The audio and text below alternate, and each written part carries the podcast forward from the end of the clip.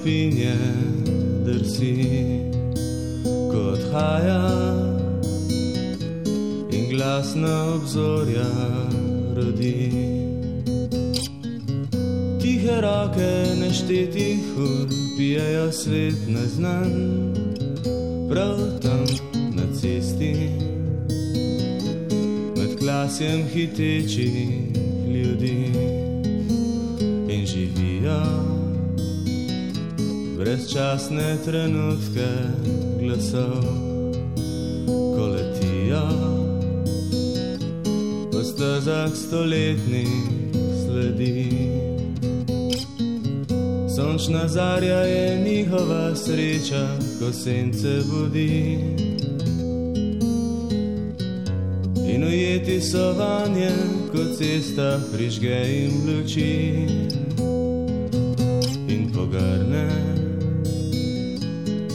stihote mojim klopi zidove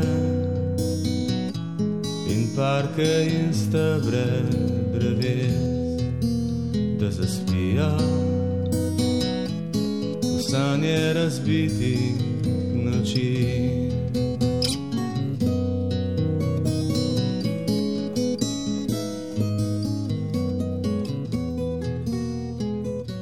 Janja Vidmar. Pogovarjala se bova o vašem romanu z naslovom Niti koraka več. Kakšno mesto ima ta knjiga v vašem opusu, ki je zelo obsežen, dodajam? Pozdravljeni, torej eh, naj rečem, da je to v bistvu mogoče ena majhna prelomnica v mojem opusu, saj se s to knjigo dejansko eh, nekako preusmerjam v prozo eh, za odrasle in postopoma opuščam pisanje literature za mlade. Zakaj? Zato, ker se mi zdi, da sem uh, povedala otrokom in najstnikom vse, kar je bilo treba, tudi kaj, česar ni bilo treba. Um, in se mi zdi, da sem skratka tudi sama nekako dosegla leta, starost, zrelost, kakorkoli to imenujemo, ko bi želela uh, skozi, tudi skozi svojo, tako kot skozi tuja besedila, tudi skozi svojo literaturo nekako uh, razumevati uh, pravzaprav svet, ki me obdaja. Imate občutek, da vam je z romanom niti koraka več v to uspelo? Rekla bi, da glede na to, da gre za en tak uh, žanrski preplet, uh, zapakiran v bistvu v formo potopisa, uh, Eh, da sem kar široko zajela, široko posegla na različna področja in mislim, da ja, in tudi po odzivih bravcev eh, se mi zdi, da mi je kar dobro uspelo, glede na to, da je pravzaprav knjiga šele dobro išla in so pač. Eh, odzivi res množični, mislim, zelo številni in jaz sem vsakega odziva uh, strašno vesela, ker se mi zdi, da mi to potrjuje, da literaturo, ki jo sama rada berem, da nisem osamljena, da, da tudi drugi uh, hlepijo v bistvu po dobrih zgodbah. In se mi zdi, da se v domačo uh, literaturo vračajo zgodbe in to me neizmerno veseli. Bi nam prosim prebrali kratek odlomek iz romana. Hvala. Jezero ju je upijalo vase, kot bi se od veslaškega čovna odrinila daleč čez rob sveta.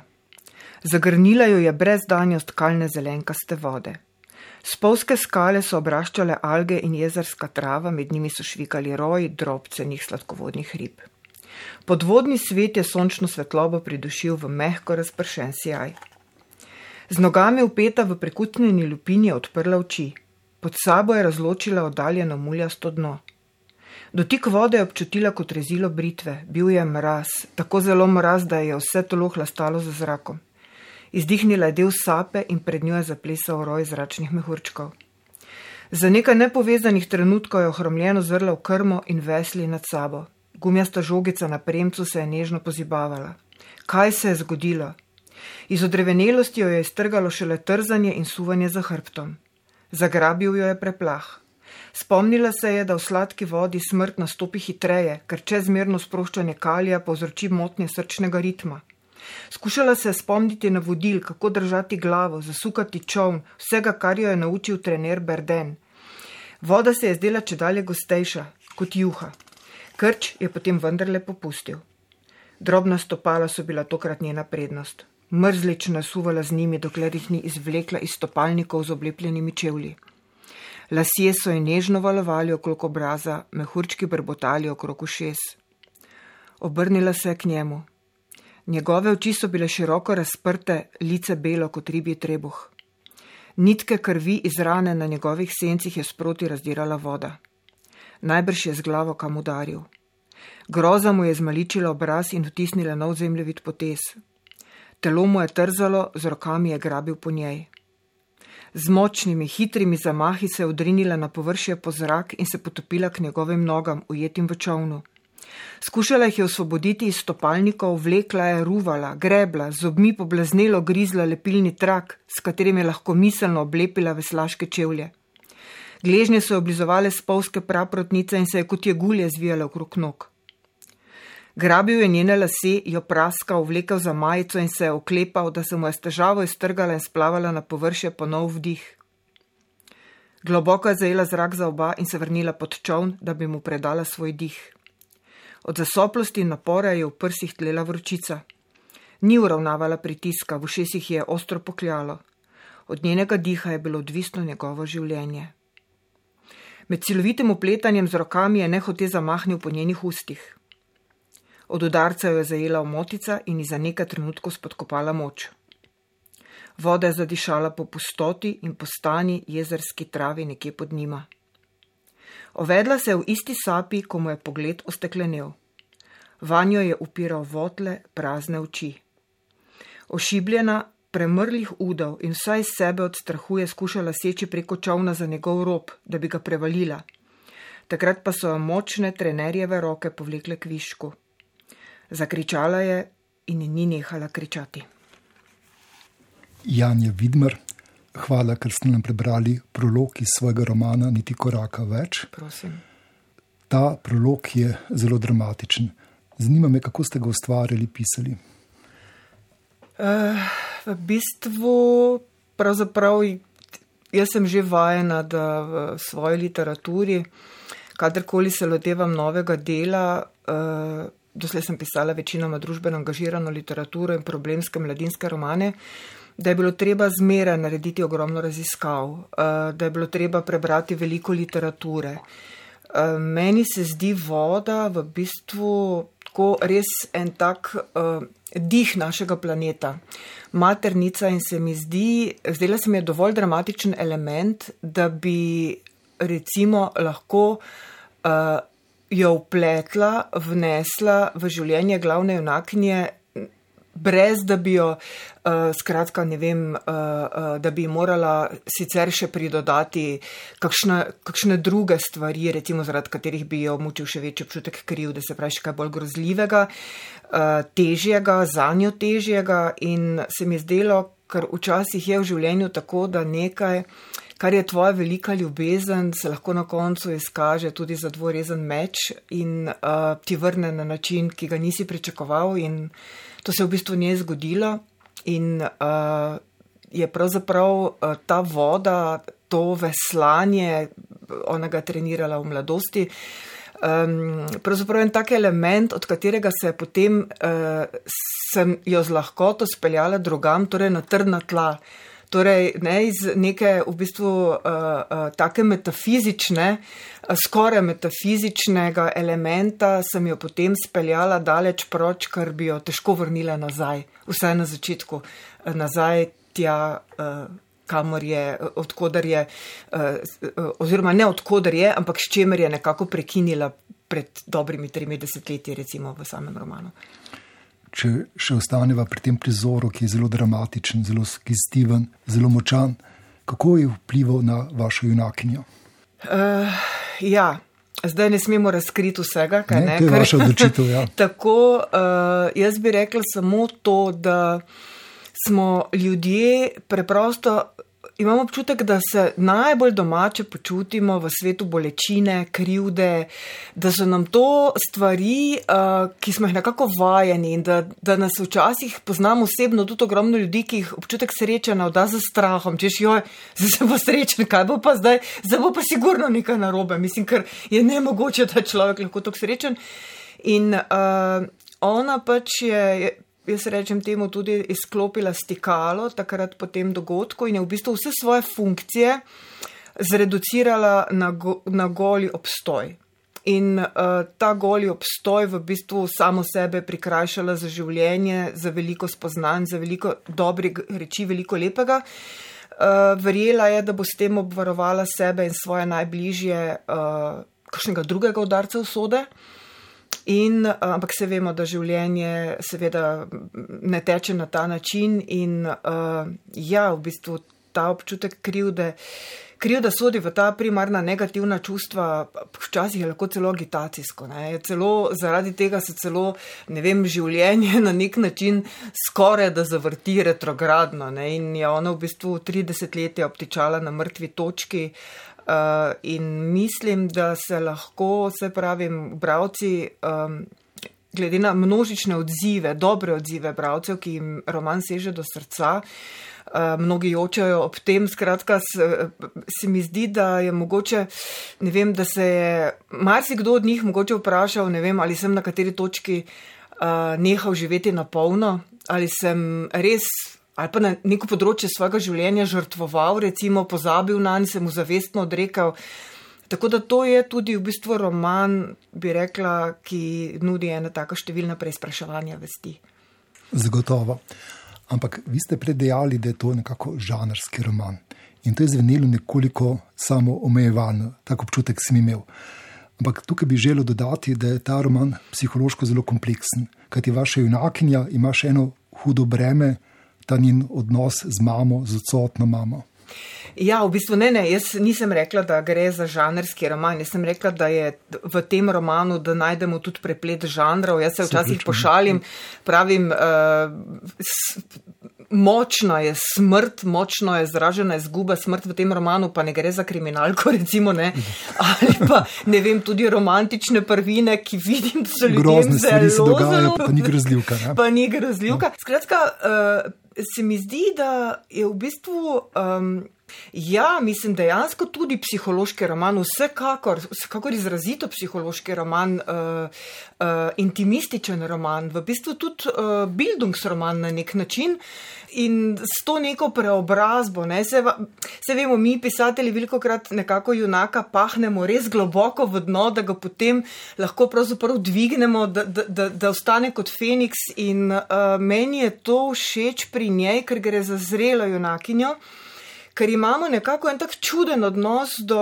um, zrelih ljudi ali pa do, do starejših mladih, recimo temu, da nekako potem nekako po 50. letu uh, ali še pozneje. Um, kot bi v literaturi ne imeli neke prave funkcije več, um, kot bi jim nekako bi jih prikrajšali za, za polno krvno življenje na vseh področjih, recimo, ne? ampak so lahko samo še ne vem, neke obstranske vloge ali, ali pa so zmedeni, pa so razdvojeni, mislim, skratka, pa so pred penzijo in tako dalje in tako dalje. Mislim, skratka, jih mučijo neki taki. Uh, uh, povsem drugačni, uh, uh, drugačne težave, drugačne porivi, druge tegobe. Uh, meni pa se je zdelo, da pravzaprav lahko tudi pri 50-ih v bistvu uh, junak. Da se lahko junak pri 50-ih znajde na pragu življenja, mislim, konec koncev, zakaj pa ne? Da nikoli ni prepozno za kakšno stvar. Absolutno ne, včasih je to šele dober začetek. Na naslovnici vašega romana berem, samo Rugelj to napisal v Bukli, da je to prvi slovenski roman o kaminu in da je hvalnica človekovemu osvobajanju. Kako se znajde kamino v tem romanu? Oziroma, kaj eh. pripelje junakinjo na to pot? Ja, no, uh, junakinja pravzaprav uh, hodi v imenu in pod bremenom uh, svoje bolne sestre. Na kamino jo pripelje pač ta splet tragičnih naključij, uh, Uh, mislim, ja, seveda gre za hvalnico človekovemu osvobajanju, zato ker, kot se tudi v tem romanu izkaže, se mi zdi, da se osvobajanje začne nekako takrat, ko, ko na nas ne vplivajo več, ne vpliva več ta občutek premaganosti, ko se naučimo živeti s porazi, ko nam porazi več ne pomenijo avtomatično porazov, ampak sčasoma ugotovimo, da so mogoče na neki uh, točki v življenju, da se izkaže, da da je bil dotični poraz v bistvu celo zmaga, ker nam pomaga narediti nek nov korak. In um, kamino je pravzaprav ena taka, um, en tak preplet uh, te mistike, uh, te čudovite narave, vseh teh človeških usod. In se mi je zdelo, seveda, kamino, lahko, kamino se lahko odvija povsod, da se razumemo. Ne? To zdaj v resnici je, gre res za ta uh, španski kamino, oziroma v tem primeru francoski. Uh, ampak kamino pravzaprav poteka vse čas, tako zunaj nas, kot v nas, ker gre v bistvu za hvalnico življenju samemu. Zakaj se pa vaša junakinja odloči za to pot? Zanimivo je, ne, da kljub vsemu, kljub vsej njeni uh, previdnosti, zakrknjenosti, uh, dvomom, uh, um, še zmeraj pravzaprav verjame in to je tisto upanje, ki človeka žene naprej, uh, je zavezana temu, da vsak korak, ki ga bo prehodila, uh, z vsakim korakom bo svoji sestri pač podaljšala življenje. Ampak seveda, usoda ima svojo pot, življenje se nikoli ne odvija tako, kot smo uh, načrtovali. In istočasno se pravzaprav ne zaveda, da z vsakim korakom, ki ga premeri, pravzaprav ne da podaljšuje svoje življenje, ampak ga šele odpira. In odpira ga na toliko različnih načinov in toliko ljudi, toliko občutkov, um, toliko vtisov vdre vanjo, da dejansko, če ne vem, pred tremi desetletji izključila stikalo, to, so ga drugi pravzaprav nekako na tej poti vključili in se znajde v bistvu popolnoma zbegana, res sredi polnokrvnosti življenja, mislim, da v njegovem najsijajnejšem bistvu. Večni tujci, polnih naročij, prijateljstva prav tam na cesti, zagrnjeni s plaščem držja, brez odhodov, ker so posod doma. Na cesti, prebodeni z mečem sonca morda iščejo več kot posmeha zaklenjenih glav. Morda iščejo tujo besedo odprtih oči. Polne dneve svobodnih trenutkov, nemirnih poti, ko visijo med kupi sprhnelih smeti.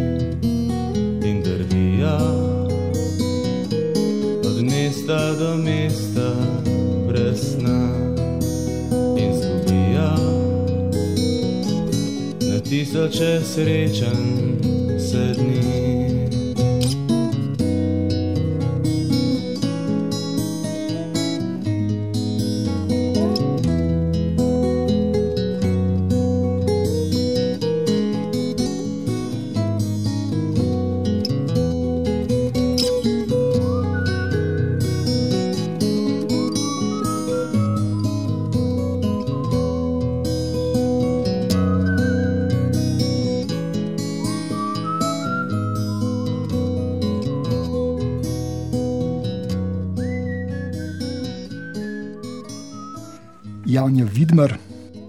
Pogovarjava se o vašem romanu z naslovom Niti koraka več in v glasbenem premoru smo slišali Tomaža Pengova, ki se kar nekajkrat vrne kot referenca v vašem romanu. Zakaj?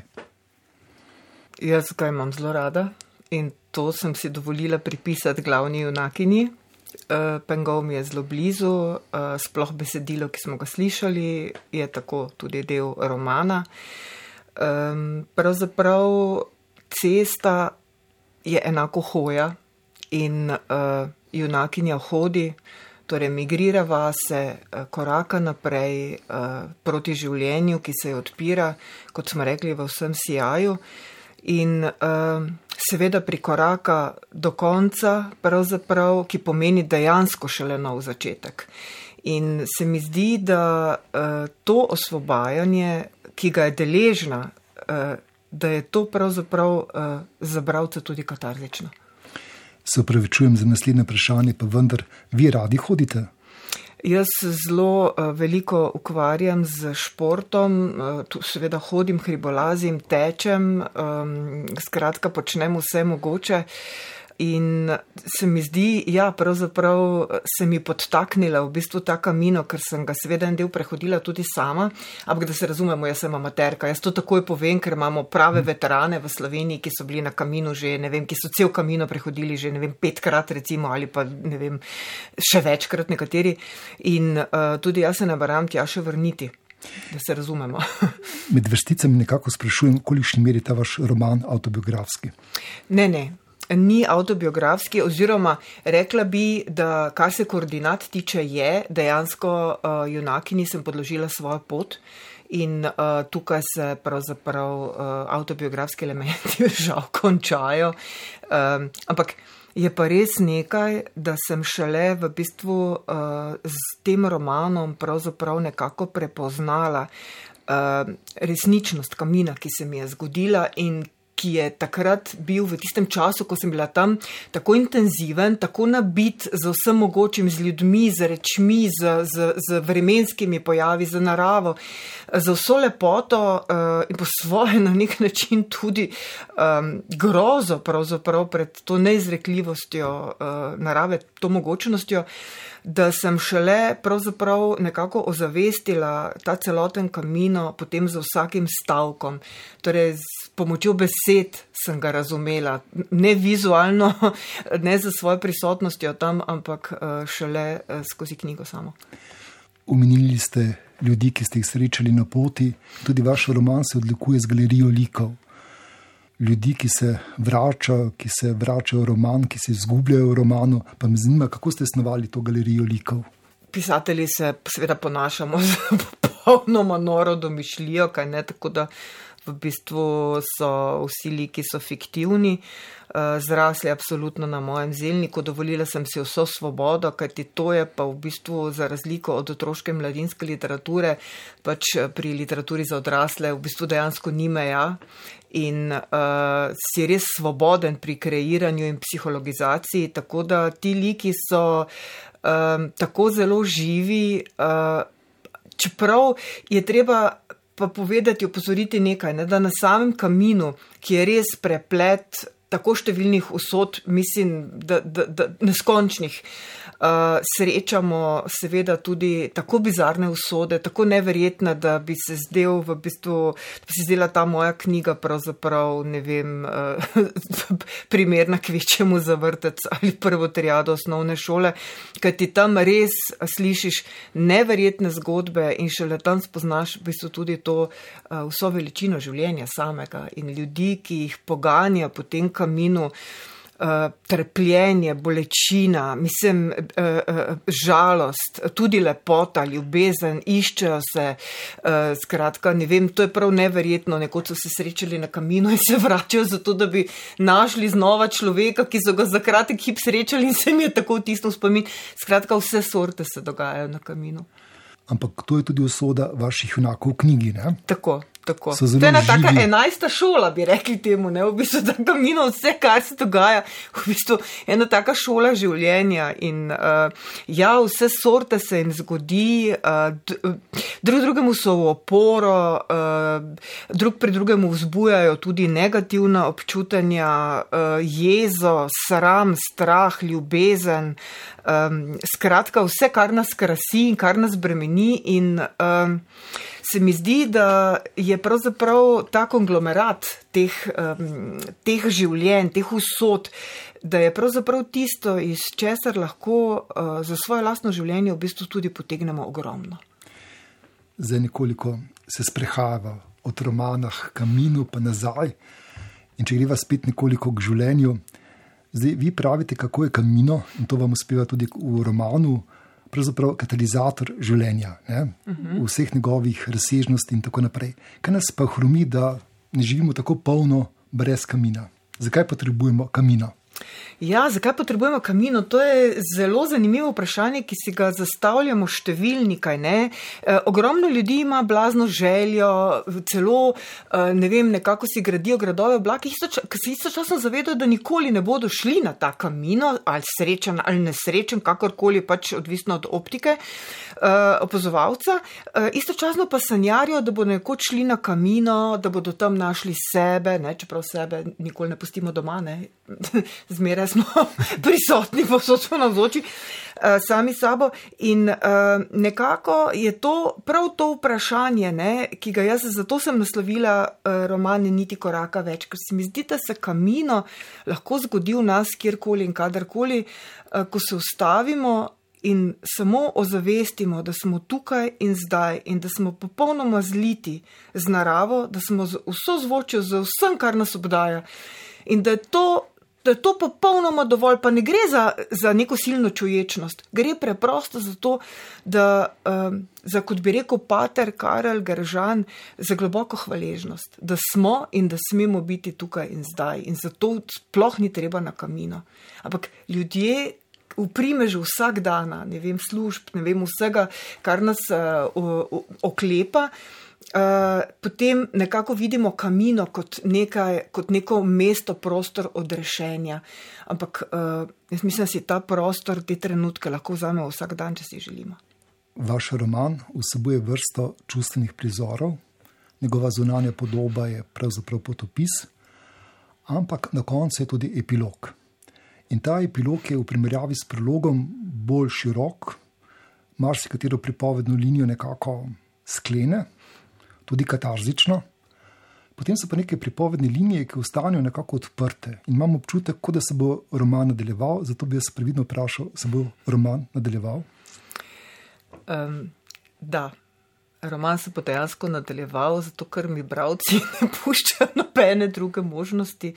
Uh, vsi sprašujejo, vsi želijo vedeti, kaj se bo zgodilo v nadaljevanju, in uh, menda so zelo, zelo priljubljene te dni tudi uh, trilogije. Uh, Tako da mislim, da mojo junakinjo čaka še veliko, veliko dogodivščin uh, in veliko vsega, kar mora še pre, premagati. Pa ne zato, da bi prišla do sebe, ampak zato, da bi prišla do konca.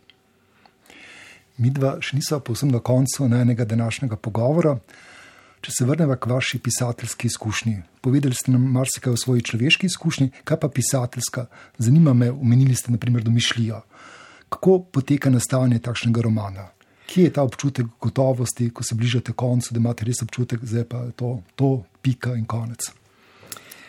Uh, v bistvu, jaz mislim, da je to za avtorja tudi katarzično, ko, ko, ko pride do konca. Jaz namreč svet uh, dejansko vidim v besedah, ne vidim ga v prizorih. In ko oblikujem te svoje junake, jaz res vem, kaj čutijo, na kak način čutijo, kako se odzivajo, kaj jih bremeni, nikoli pa ne vem, kako izgledajo.